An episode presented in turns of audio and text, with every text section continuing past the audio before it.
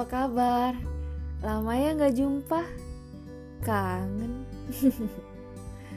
um, harusnya aku post episode 4 ini dari beberapa hari yang lalu.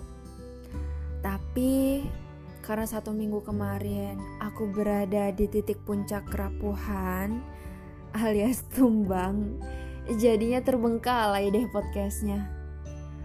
Uh, by the way, aku mau bilang makasih banget untuk teman-teman yang udah kasih doa dan support buat aku kemarin. Worth it banget, parah. Semesta langsung ngabulin doa-doa kalian dong guys. langsung bugar nih akunya. Thanks ya. iya, jadi kemarin tuh asam lambungku naik lagi. Biasa, perkara cabe. You know lah, The world feels empty without chilies, iya kan? Hampa, kosong banget kalau sehari aja nggak ketemu cabe. Tapi kalau kebanyakan ya nggak baik juga sih. Kapok deh dijamin. Mana kalau asam lambung naik dia tuh larinya ke paru-paru. Jadinya oksigen di dunia tuh berasa sedikit banget jumlahnya. Susah napasnya. Nyesek sama nyeseknya kayak chat yang gak dibales-bales. Tapi tahu-tahu doi bikin story. Aduh. Kalau udah kayak gitu, terngiang-ngiang deh tuh jargon tukang parkir. Mundur, Mbak. Mundur. Mundur, terus, terus, mundur. Ya. Aduh. Terus ditambah waktu itu tuh leukositku tinggi banget sampai 12.700 guys. Fai, leukosit itu sel darah putih. Kata dokter, kemarin sih penyebabnya karena stres emosional. Nah loh, dikatain stres aku ya masa. Terus katanya tertekan gitu sistem kekebalan tubuhnya. Ditambah ada bakteri jahat yang masuk ke dalam tubuhku. Jadinya tumbang deh setumbang-tumbangnya. Selama 20 tahun hidup di bumi, Kayaknya baru pertama kali aku serapuh ini. Di opname sampai berhari-hari. Harus menyaksikan emak yang berulang kali netesin air mata tiap nyaksiin aku yang kayak orang di kemo. Gimana enggak? Tiap abis dikasih cairan suntikan di kabel yang nempel di punggung tangan tuh, berasa mau copot seluruh organ di badan. Nangis mulu. Kebayang gak sih gimana rasanya?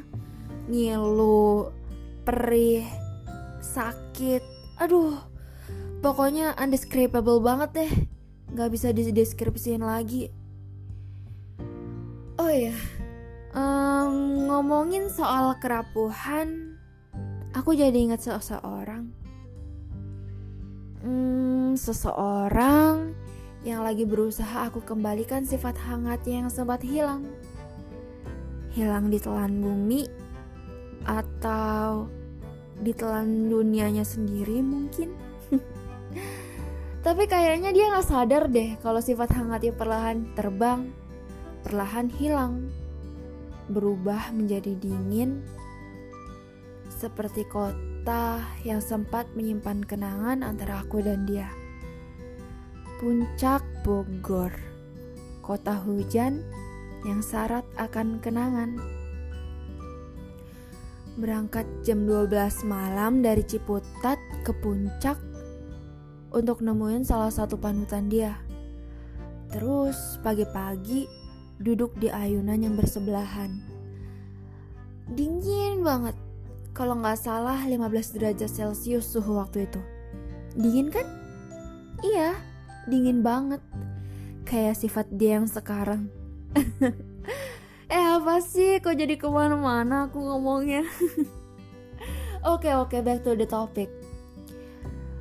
Um, Sometimes di saat orang berada di titik puncak kerapuhan Dia akan membutuhkan tongkat untuk tetap bertahan.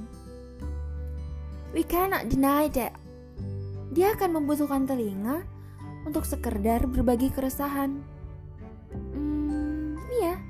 just need to be heard.